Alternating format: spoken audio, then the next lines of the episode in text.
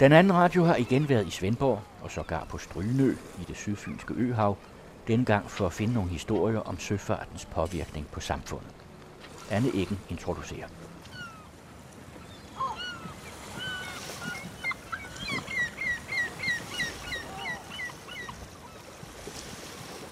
Igen tager vi til Svendborg-egnen, både til selve Svendborg og øen Strynø, der er en af de 55 øer og holme i det sydfynske øhav. Her får vi historier om småøernes søfartsliv, de unge søfolk, kvinderne og søfartens udvikling. Men ingen skibe uden bådebygger. I Svendborg ligger Frederiksøen, der den dag i dag har to værfter og en havn godt fyldt op med træskibe, måger og motorlyd. Vi skal møde tre personer, der ved noget, faktisk en masse, om søfart på forskellig vis. De tre medvirkende er først Ole Mortensen, forfatter til adskillige bøger om søfart og tidligere museumschef på Langelands Museum. Man taler om bondesamfundet, og man taler om øh, bysamfundet, man taler om, om købstaden. Men der er altså også, kan man næsten sige, et tredje samfund, og måske er der flere end da. Det tredje, det kunne så være søfartssamfundet. Og det er Nita Lillevang, kulturvejleder og journalist. Folk var jo som regel ikke alene ret længe, hvis de kunne finde en at gifte sig med, for så var man da i hvert fald to. Men der var forsvandt mange mænd på havet, så der har jo været et overskud af enker. Ikke? Og det er Niels Walterstorff Jensen, museumsinspektør på Svendborg Museum, der har hang til værtshistorier og smuglerier. Men de smugler jo af hjertens lyst. Altså i 1769, der bliver det så slemt, at byfoden her i Svendborg, altså det man i dag vil kalde for en borgmester, han simpelthen foreslår, at øboerne de skal forbyde sig at have både.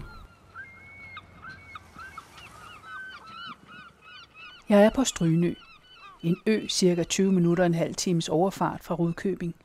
Her bor Ole Mortensen, og netop på Strynø var der omkring år 1900 cirka 750 indbyggere.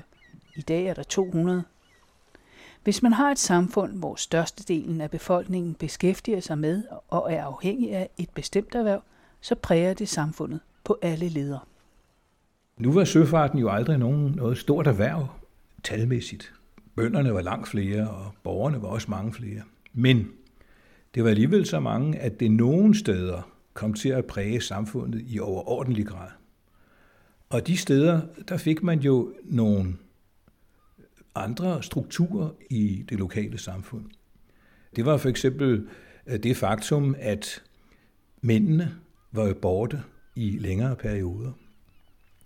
Og det var det faktum, at øh, man øh, måtte hjælpe hinanden med at finansiere øh, denne søfart, sådan så man kunne få bygget nogle øh, fartøjer, der var passende til, til den fart, man nu havde. Og øh, det var også inden for sådan noget som holdninger, at det gjorde sig gældende. Nu har jeg talt med ganske mange sejlskibssøfolk, altså de mennesker, som sejlede med de gamle sejlskib. Og det var tydeligt, at de havde et øh, modsætningsforhold til den holdning, som bønderne havde. Bønderne plejer man jo at sige, jamen de lægger jo daler på daler, og så dør de rige.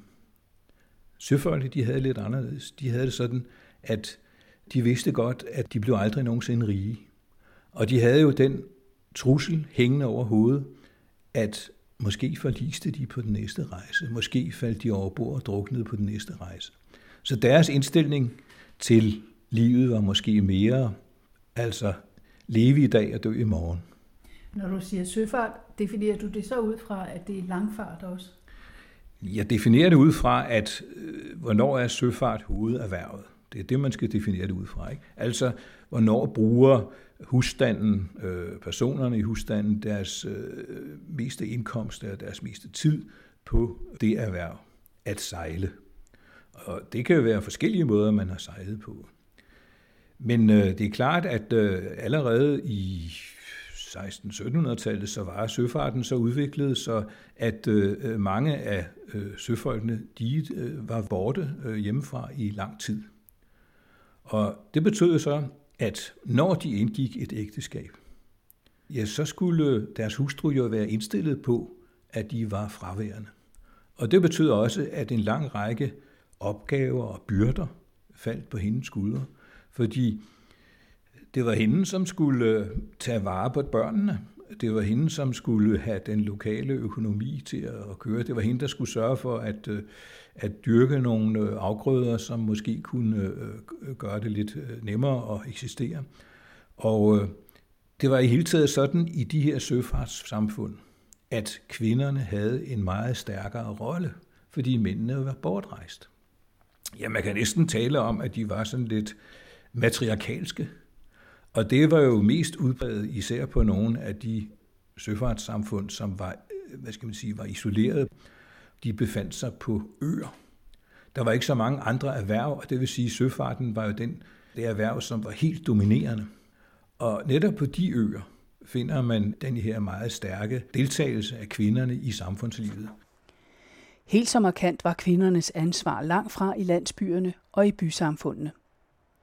Men hvordan blev søfartssamfundet så organiseret fra 1700-tallet og frem? Går vi tilbage i tiden, så kan vi sige, at søfartssamfund, men man kan næsten også tale om, at skippersamfundet var det, der var systemet næsten alle steder. Det var et system, der beroede på, at de unge mænd fik en uddannelse i søfarten. Det var et system, der tog vare på, at man havde brug for et mandskab, men at mandskabet også havde nogle øh, avancementmuligheder, at de havde et mål med deres sejlads, med deres erhvervsarbejde. Og det mål, det var at ende som skipper, helst på, på eget dæk, som man sagde, egen køl, ikke? sådan at de ejede skibet, måske havde andre så del i det skib, men, men øh, det var dem, der bestemte. Indgangen, det var jo så, som man sagde, så det foregik gennem klyset, Det vil sige, at når man var konfirmeret, så sørgede øh, mor og far for, at man øh, blev rimelig godt øh, udrustet med nogle øh, varme, uldne klæder osv., og, så videre, og fik en øh, køjesæk og måske øh, en, en lille skibskiste, og så kommer man ombord i et mindre skib øh, i fart i lokalområdet, sådan var det gerne. Drengene tjente sig op af rangstigen på skibet, fra skibsdreng til jungmand, til letmatros til matros – og skulle man tilegne sig navigationsviden, skulle der papir på. Og så kunne man blive styrmand. Og konen var der hjemme imens og passede det hele, når mændene var på havet. Hun var måske selv vokset op i søfartshjem, så hun kendte sine opgaver.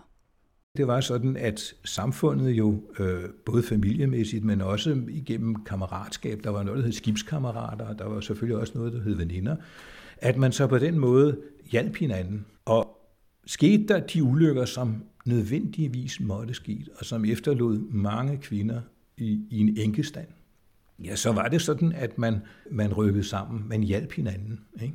Og det betød jo, at kvinden kunne måske få noget hjælp til øh, børnepasning, hun kunne måske få noget hjælp til forskellige erhvervsaktiviteter. Det skete tit, at hun åbnede en eller anden lille butik. Det kunne være som som øh, høger, eller det kunne være, så øh, hun kunne også lave noget med syning ikke? og vask og sådan nogle ting. Ting, som kvinder havde som deres arbejdsområde, og som de kunne fortjene noget ved. Men det står jo klart, at hvis hovedindtægtskilden i sådan en familie forsvandt, så var familien jo udsat. Og apropos det med at kunne klare sig. Vi hopper lige til Svendborg, her har kulturformidler Anita Lillevang gravet Marie Jensens historie frem fra 1894. Marie, hun var til at begynde med en hjemmegående husmor, hvis mand sejlede. Han var skibsfører.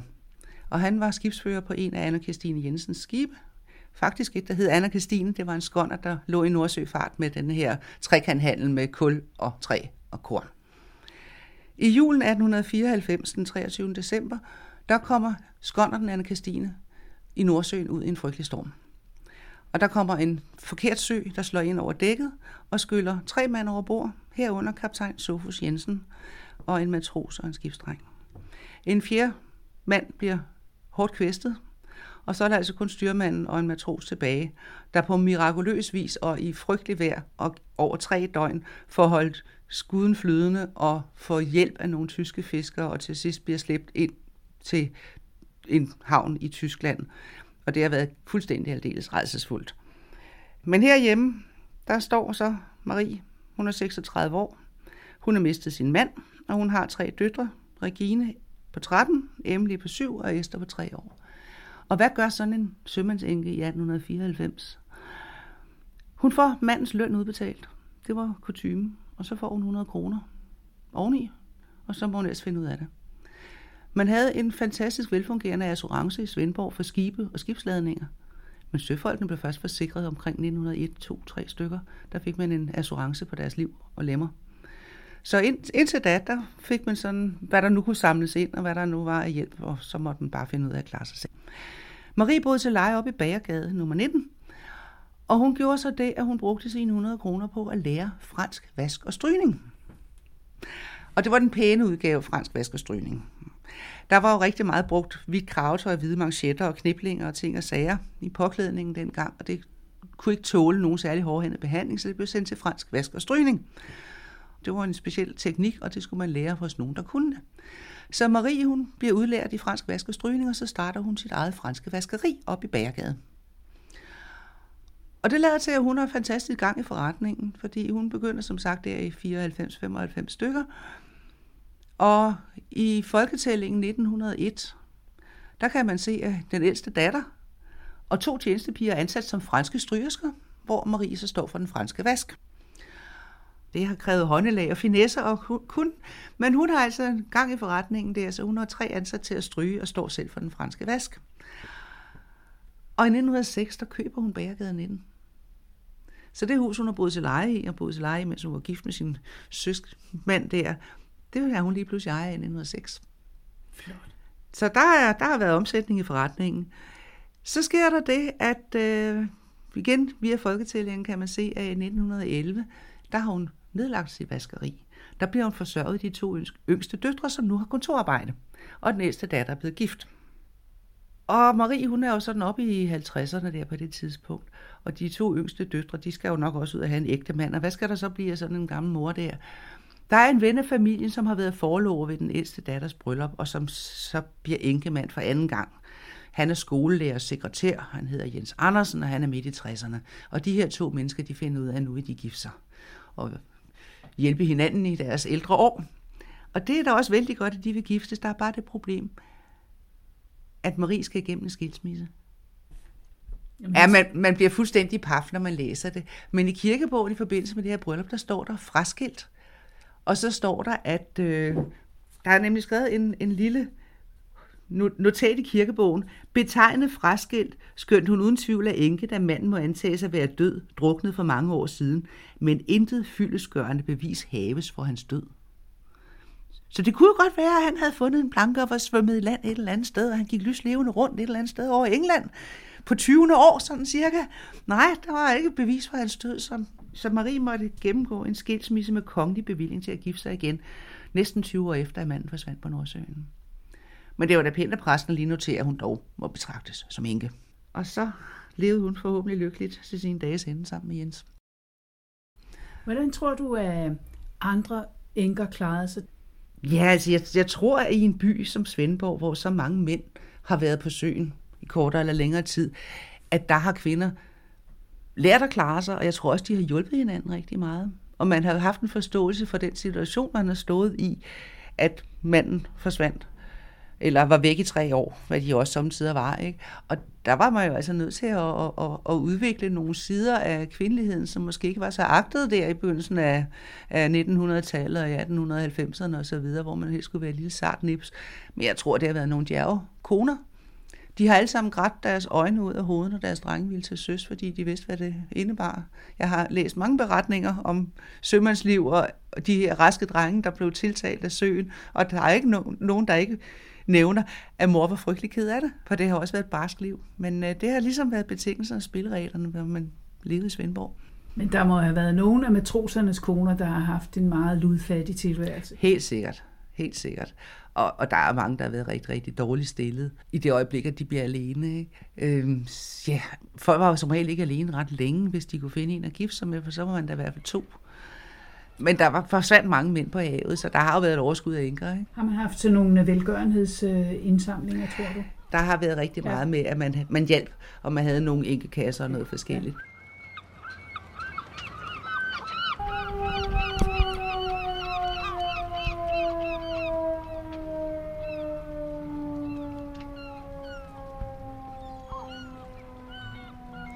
Så er der frokost. Klokken er 12.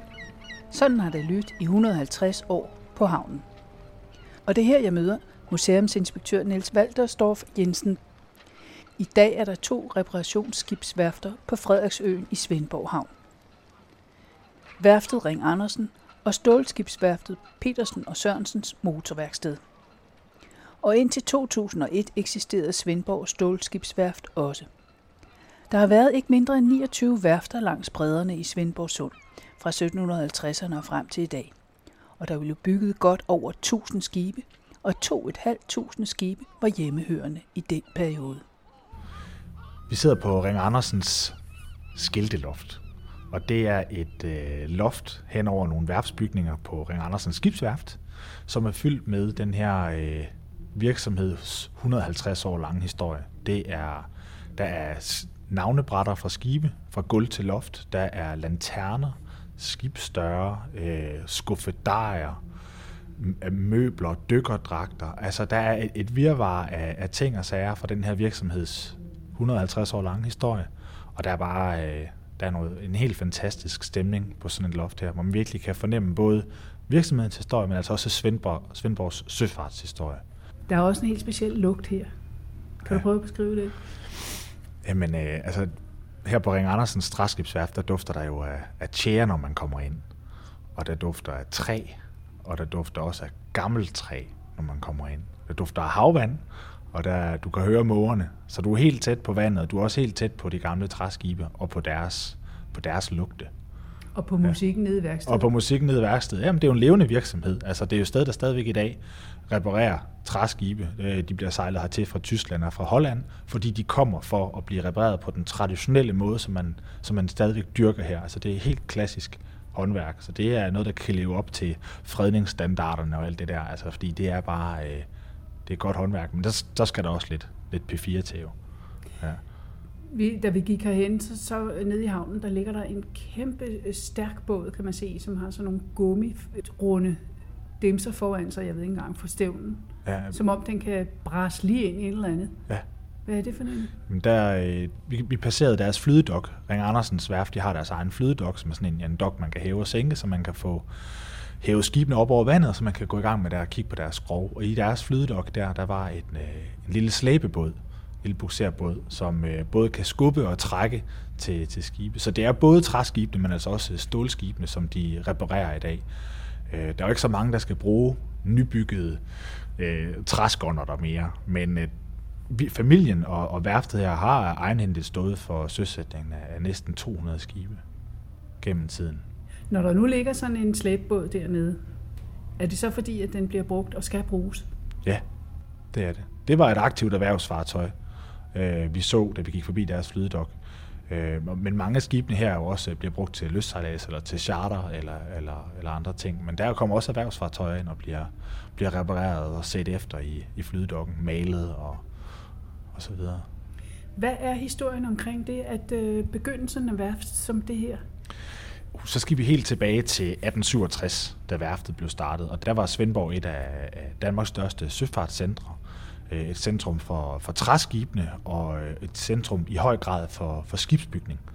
Og der blev jo spyttet skibe ud i de år, altså de væltede ud i sundets vand. Og efterspørgselen efter tonnage var enorm. Og der havde man en, øh, en ung mand fra en nærliggende ø, der hed Turø, øh, Jørgen Ring Andersen, som havde været i Aberdeen og lære at bygge helt moderne skibe altså med skarp stævn, klipperskibe, som virkelig kunne altså skære sig igennem havet. Og øh, han kom tilbage til, øh, til Svendborg og tog den her nye skibsbygningsmetode med sig. Øh, og der grundlagde han et værft her på Frederiksøen midt i Svendborg Havn, som netop skulle øh, ja, kan man sige, bygge bro mellem det gamle og det nye.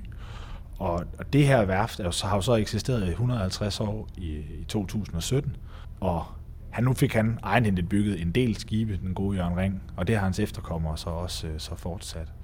Øh, men da man startede med at bygge det i 1867, der lå der jo, altså, der har ligget om næsten et dusin sameksisterende værfter langs Svendborg Sund.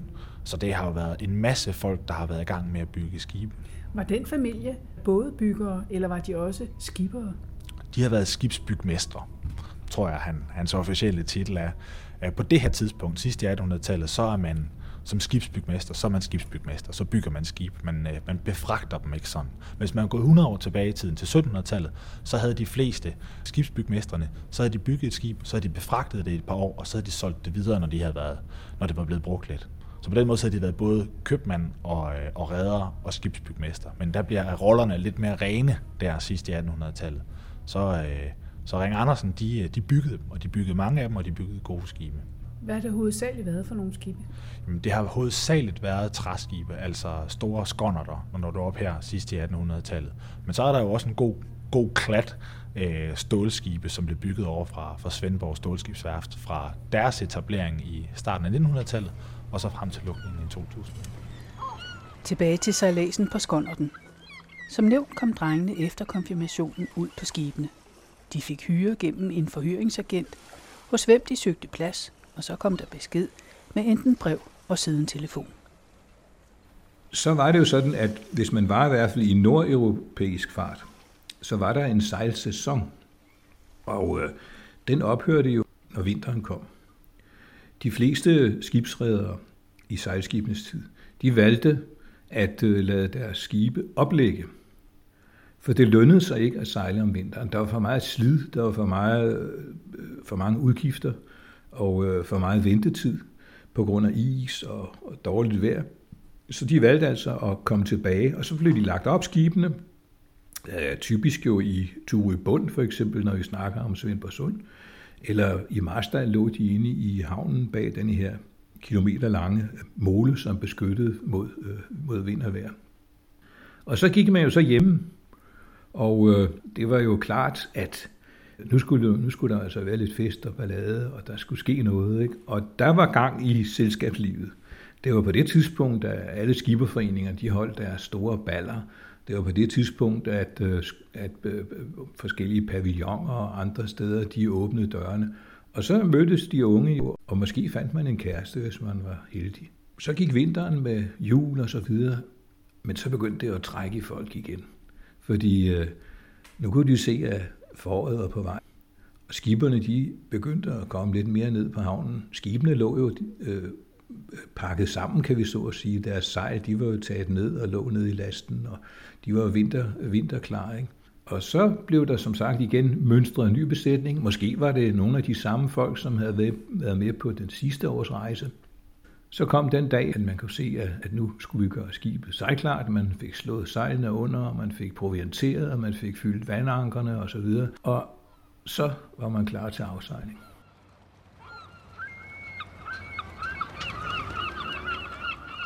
Og i de større havne som Svendborg, Turø, Marstal og Rydkøbing stod familien måske nede på kajen og vinkede farvel. I vinterens løb havde de brugt pengene fra hyren, de havde sparet op, men under selve sejladsen holdt skipper tit øje med, hvad der blev brugt, hver gang der var landgang. Og pengene var små, når de gik i land. Der blev holdt hus med dem. Når de her unge mænd øh, fortsatte deres løbebane til søs, så var det jo sådan, at øh, det var næsten, øh, hvad skal man sige, obligatorisk, at man skulle ud på de store have. Man skulle ikke bare ligge og futte rundt i, i Østersøen og Nordsøen. Det var ikke nok, vel? Og det var der også en god grund til, for de lærte en masse på de lange rejser. Ikke? Og det vil sige, at så i stedet for at mønstre fra Svendborg eller fra Marstal, ja, så mønstrede de fra Hamburg. Eller de tog måske ovenikøbet til England og, og sejlede ud fra Liverpool. Ikke? eller London, eller de kunne måske ind til, til Frankrig sejle med store sejlskibe dernede fra. Og det var jo en helt anden uh, trade, fordi det var jo altså skibe med store besætninger. Når vi snakker om danske skånder, der så var der en 5-7 mænd, mænd ombord. Ikke? De fleste af dem ganske unge. Det var kun skiberen og styrmanden, der var lidt, lidt mere øh, lidt modne folk. Men de her skibe, der var jo altså måske 20 mand i ruffet. Ikke? Og øh, det betød jo, at øh, der var et helt andet kammeratskab og socialt samspil.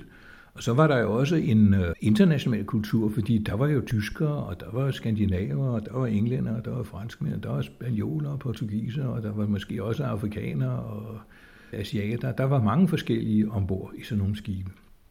Og det var meget kæft trit retning i de skibe, men det var selvfølgelig også kammeratskab. Noget af det, som var lidt karakteristisk for de skibe, det var jo, at der var en vis social, en vis klasse af de her søfolk, som ikke rigtig kunne klare sig. De havde ikke et hjem. De havde mistet forbindelsen til hjemmet. Og det betød, at de var, som andre søfolk også kaldte dem, søvagabunder. De her søvagabunder, det kunne være udmærkede mennesker, og det kunne være dygtige søfolk. Men deres store problem, det var, at så snart de kom ind i en havn, så for de i land, og så gik de op i det nærmeste værtshuse, og så futtede de hele deres hyre af, og øh, til sidst, ja, så var de jo altså sådan, at de øh, var næsten sanseløse, og de havde ikke nogen muligheder, de havde ingen penge, og nogle gange havde de ikke engang noget tøj. Der var en hel gruppe af mennesker, som var i de her red light districts, som man kaldte dem. Ikke? Altså, det kunne være i San Francisco, eller det kunne være i, i Rio de Janeiro, alle mulige steder. Og de, de var jo så specialister i at øh, underholde søfolkene, få snuppe alle deres penge, og der var jo også en hel garde af, af, af kvinder, som var involveret i det her. Og så en dag, når der var gået 14 dage måske, eller kortere tid, så var der ikke flere penge. Og så hvis de folk, der havde logier for de her søfolk, de ville jo ikke huske dem mere.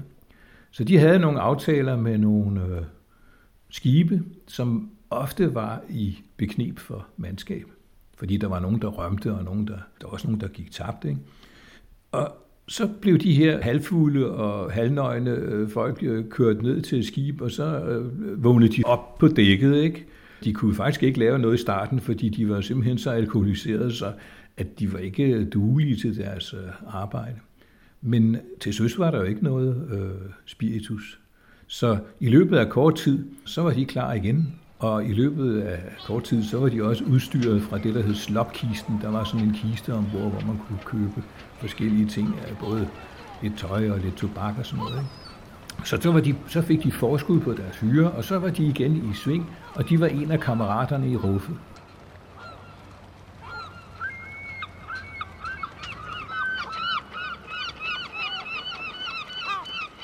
Ja, at sejle på en skonnert var ikke helt ufarligt. Og så var der alkoholen. Man drak aldrig ombord. Det var forbudt, fordi det var for farligt. Undtagelsesvis kom flasken frem, hvis mandskabet var i en særlig situation, hvor det krævede, at man præsterede noget, eller man havde gjort det, så kunne man godt få en lille dram af skipper. Alkohol blev også mere brugt som medicin end egentlig forlystelse. Men på land var det noget andet. Der havde skipper ikke noget ansvar, og her kunne man slå sig løs. Den unge letmatros A. Mikkelsen fra Tved, han havde været i land. Fritiden løber hurtigt. Det var på tide at komme ned til Jollen. På vejen nedad mod havnen blev jyden stoppet af en dame ud for et lavt hus i en af de smalle gyder. Han var gået et stykke i forvejen. Jeg lagde mærke til, at han stod og rodede i sine lommer. Pludselig trak han lommen helt ud og så slog han ud med armene. Da jeg kom nærmere, hørte jeg damen sige, halvanden krone. Jeg kiggede på damen. Hun så ikke værst ud, men hun så ud til at være en halvsnes år ældre end jyden. Jeg er ikke en drakme, sagde jyden og viste hende foret på sine tomme lommer. Damen gik helt ned til en krone. En krone for en tur i køjen, sagde jyden. Tja, det er jo billigt, men jeg ejer ikke en øre. Spørg ham der, han pegede på mig. Damen sendte mig et øjekast. Det er rigtigt, sagde jeg. Vi ejer ikke en krone. I er et par kønne sømænd, sagde hun, tørnede rundt og spacerede ned ad gaden. Åh, den gamle luder, sagde jyden. Hvad bilder hun sig ind? En krone, sagde hun. Så er det sikkert heller ikke mere værd. Hvor delen har I to vandrotter været henne så længe, spurgte styrmanden, da vi entrerede op af falderæbet og sprang ind på dækket. I vil da vel ikke fortælle mig, at det tog så lang tid at ro skibber i land? Skibber gav os lov til at se byen. Styrmanden så smilende på os. Den troede han ikke på. Skipper kom ombord umiddelbart efter. Jeg har givet dem lov, sagde han, og så var der sat bum for den diskussion. Når I sådan uden videre kan få landlov, så kan I også hejse jollen op og sure den fast. Styrmanden var slet ikke gal på os. Men noget skulle han jo sige. Men vi vidste, han var et dejligt menneske. Så snart jollen var oppe og suret fast, gav skipper ordre til at lette anker. Vejret var fint. Vi kunne lige holde sejlene fulde, da vi stod sundet ud. Så blev kurset sat mod Skagen. Ud på eftermiddagen forsvandt den sjællandske kystlinje som en blå streg i Kimmingen. Nogle måger fulgte skibet nordover i deres yndefulde glidende flugt, i håb om, at et eller andet spiseligt skulle blive kastet ud til dem. Solen sank dybere og dybere mod havet og forsvandt til sidst i de guldrandende skyer langt ude i vest. Nu skal vi høre lidt om nogle af de andre ting, der foregik her i sundet, nemlig smugleri. Hvad var det for noget smugleri, og hvornår? Du har jo studeret det og undersøgt det og sådan noget. Ja. Hvornår finder du nogle vidensbyrd om, om de tidligste smuglerier her? Men det, de tidligste smuglerier, så skal du helt tilbage til, til middelalderen. Altså, øh, man kan sige, det sekund, der opstår regler i øhavet, så opstår der også nogen, der har lyst til at bryde dem.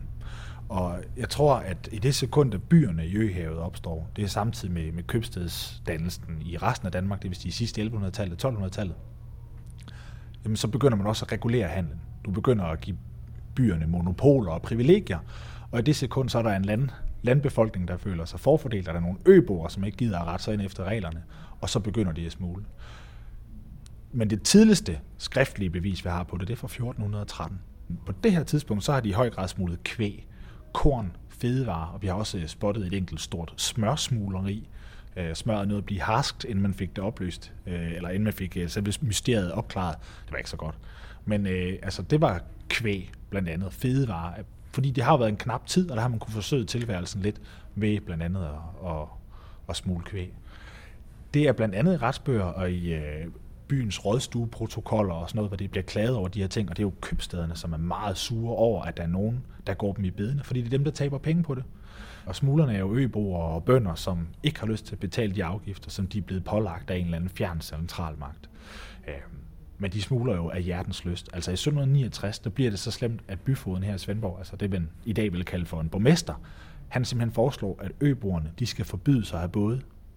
Og du kan tænke på, at der ligger 55 øer og holme eller sådan noget i, i øhavet, og det vil jo gøre dem fuldstændig ubeboelige, hvis man ikke må have både. Det tænkte han ikke på. Nu vil han altså have stoppet det her smugleri, den kære byfod. Det er et rimelig drastisk forslag, men det illustrerer ret fint, hvor gralt det faktisk har været. Og i, i nogle perioder af 1730'erne, der kan vi se, at stiftamtmændene her på Sydfyn, de klager over, at smugleriet er så stort, at det er større end den legale handel. Det er jo ret vildt at tænke på, ikke? at det kan overstige den, altså den legitime måde at have varer på. Men der sidder jo også nogen tilbage, som ikke får sine varer, og som bare ja. får en lang næse. Og det er mm. bare ærgerligt. Og nogen har vidst, hvem det var.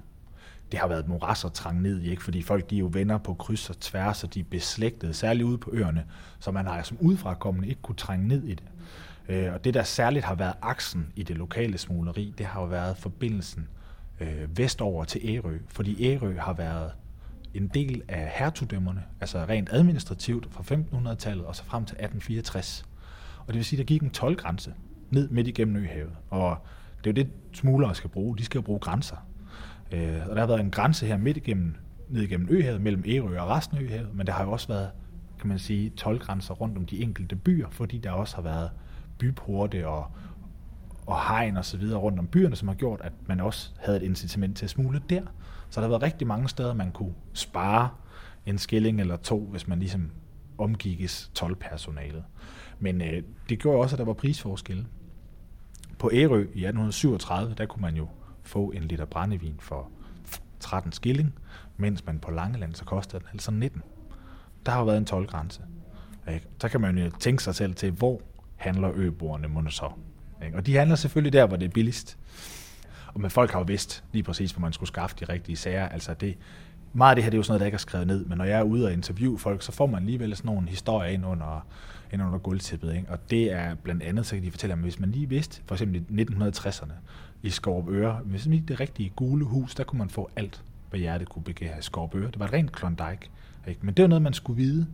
Øh, så det har været sådan noget hearsay, altså det talte ord. Øh, ellers er det ikke noget, der har eksisteret. Og det er, det er sjovt, fordi det også kan være med til at beskrive altså hele områdets historie set fra en anden side, altså fra en skyggeside.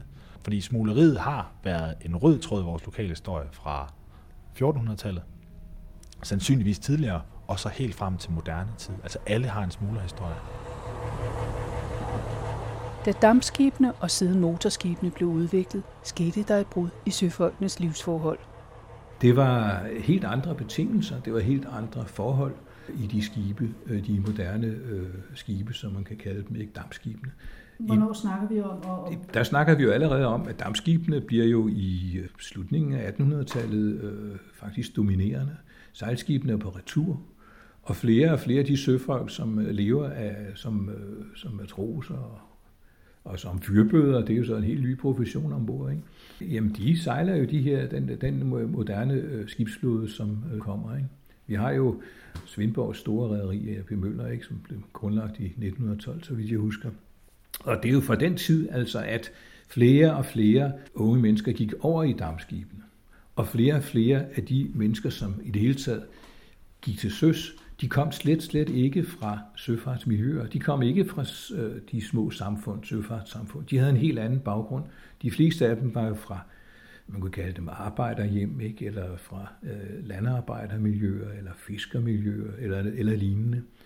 Og øh, der havde man ikke de samme stærke traditioner, de samme normer og den samme tæthed i samfundet. De, de, de var så at sige lønmodtagere. Ikke? At forholdene på bådene kom til at smitte af på hvad skal man sige, den søfartskultur, der var. Fordi dammskibene, det blev øh, store rædderier, og det blev rædderier, som blev etableret i de store byer. Og øh, disse rædderier var så at sige løsrevet fra de her søfartssamfund. De havde ikke meget med dem at gøre mere. Øh, de var kun interesserede i at få nogle folk ombord på dækket og i deres maskine, som kunne øh, fungere. Ikke? Og så var de selvfølgelig også interesserede i at få nogle folk på, på broen øh, til at styre skibet og navigere det osv. Så, ikke? så de støttede jo også øh, de skoler, som blev mere og mere professionaliseret. Ikke? Men for dammskibsmatrosen, der var, der var det altså sådan, at de var faktisk øh, lønarbejdere. Ikke? De var mere arbejdere end, end, de, end de gamle søfolkere. De var simpelthen søens arbejdsmænd. Ikke? Og det kom jo også til at betyde noget, fordi mens øh, for eksempel sejlskibssøfolkene, de var jo aldrig politiske meget sjældent hvert fald. Det var kun øh, dem, der havde sejlet de meget store skibe, de kunne godt være politiske. De kom hjem som, som socialister eller anarkister, eller hvad vi er, ikke? fordi de havde snakket politik i, i ruffene der på de store sejlskibe. Ikke? Men øh, dem, der var i lokalsamfundet, skåndert øh, besætninger, de var ikke videre politiske. Men det blev dammskibsmatroserne, og det blev fyrbøderne. De lavede organisationer, ikke? og de øh, Fyrbødernes forbund, det blev et meget stærkt forbund, øh, og de var jo netop øh, meget politiske. Og det var jo klart, fordi de stod jo i en situation, hvor at det var et arbejdsmarked, hvor at de på den ene side havde nogle arbejdsgivere, nemlig redderne, og på den anden side havde de altså dem selv. Og hvis ikke de holdt sammen, og hvis ikke de øh, viste sig stærke, ja, så ville øh, hyren måske bare øh, dumpe ned i kælderen. Så det var også en funktion af, at øh, forholdene havde ændret sig. Vi vender bladet ikke fra sejlskibssøfolkene til dammskibssøfolkene øh, og så videre til vores dages motorskibe, store containerskibe osv. Og der er jo sket det, fra måske et, et dansk synspunkt beklagelige, at konkurrencen om mandskabet er blevet så stærk, at, og også hele taget i erhvervet søfart, er konkurrencen så stærk, at man hele tiden har skulle reducere øh, udgifterne på mandskabssiden. Og det har medført, at man har fået besætninger hele tiden fra lande, som var tredje verdenslande, som havde øh, god, men billig arbejdskraft. Og på den måde kan vi se, at den danske sømand, der arbejdede på dækket, han er simpelthen blevet udkonkurreret af, af disse øh, oversøiske søfolk. I dag er det jo sådan, at hvis der er danskere overhovedet ombord i et dansk skib, et skib, som flyver Dannebro, jamen så er det jo meget tit kun øh, maskinmesteren, øh, det kan være øh, forude, som man siger, altså blandt mandskabet er der så godt som ingen. Det er nogle verdensomspændende mekanismer, der, der her er på spil. I det elgamle sejlskibssøfartssamfund, at der var øh, verden, den var jo, det var jo denne her, denne her by, denne her ø, denne her egen. Og det var her, vi skulle hjælpe hinanden. Og hvis ikke, at jeg øh, tog øh, de lokale unge mænd ombord, jamen hvem skulle jeg så have øh, ombord? Og øh, hvis ikke, at øh, bæren han tog en part i mit skib, og jeg købte brødet, øh, skånrokkerne hos bæren, ja, hvordan skulle det hele så gå, gå rundt? Det kunne det jo ikke. Det var altså en kompliceret økonomisk størrelse, hvor at alle sådan set var indstillet på, at den lokale søfart, det var noget, der skulle ophjælpes, og det var noget, man tog del i simpelthen, også økonomisk. Ikke? Anderledes er det jo i dag med den store søfart. Jeg mener, AP Møllers rederi, jamen det handler jo om at øh, købe nogle aktier. Og de aktionærer føler jo slet ikke noget ansvar eller forpligtelse over for hverken et lokalsamfund, slet ikke vel, og sikkert også i meget ringe grad over for det danske samfund. Så det, det er nogle andre normer, det er nogle andre strukturer, der er på spil i dag, i dagens søfart. Globaliseringen er absolut for længst tror jeg. Globaliseringen er, er øh, trådt i kraft øh, på søfartsområdet, og det var et af de områder, hvor det skete hurtigst. Fordi søfarten har altid været international. Søfarten har jo altid øh, opereret øh, over hele jorden. Der har ikke været de restriktioner og den lovgivning omkring søfarten, som der måske har været inden for den tidlige industri og øh, altså omkring fabrikker og arbejdsforhold og ditten og datten. Kan man så overhovedet snakke om en god dansk sømands øh, tradition eller kundskab? Jamen selvfølgelig har vi da vores øh, søfartsskoler, og vi har der også øh, vi har der stadigvæk øh, folk, der arbejder til søs. Vi har der her på Stryne også øh, for eksempel en eller to, ikke, som, som er søfolk. De er, men de er jo også meget specialister. De sejler jo så i en, en speciel fart. De sejler ikke i de store skibes øh, fart. De sejler så i specialskibe, eller de sejler som færgefolk. Og øh, der spiller søfarten jo heldigvis der stadigvæk en rolle. Ikke? Sådan slutter Ole Mortensen, og vi slutter med en nutidig historie om smugleri i en anden transportform.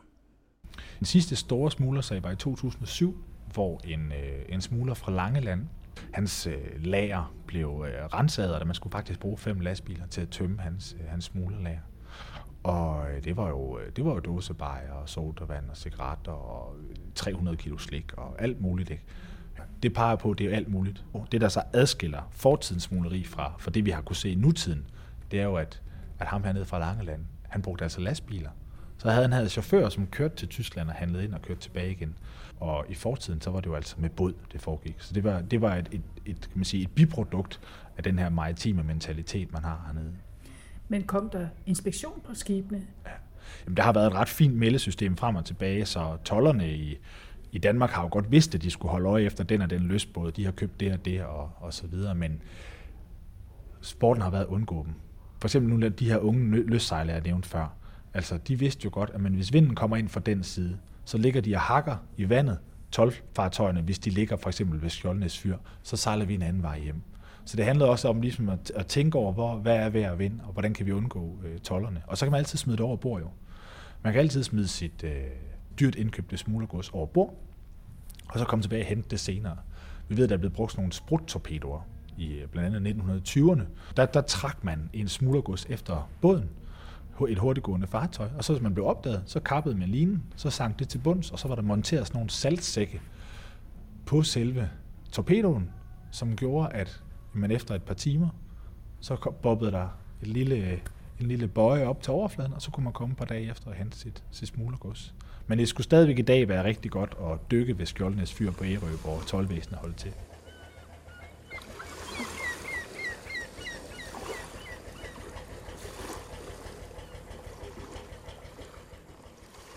Her til sidst hørte museumsinspektør Niels Waltersdorf Jensen fra Svendborg Museum, I hørte. Og i øvrigt medvirkede Ole Mortensen, forfatter og tidligere museumschef, og kulturvejleder og journalist Anita Lillevang. Kasper Jebsen læste op af let matros Andreasens erindringer, og Anne Eggen havde tilrettelagt. På hjemmesiden er der link til flere informationer.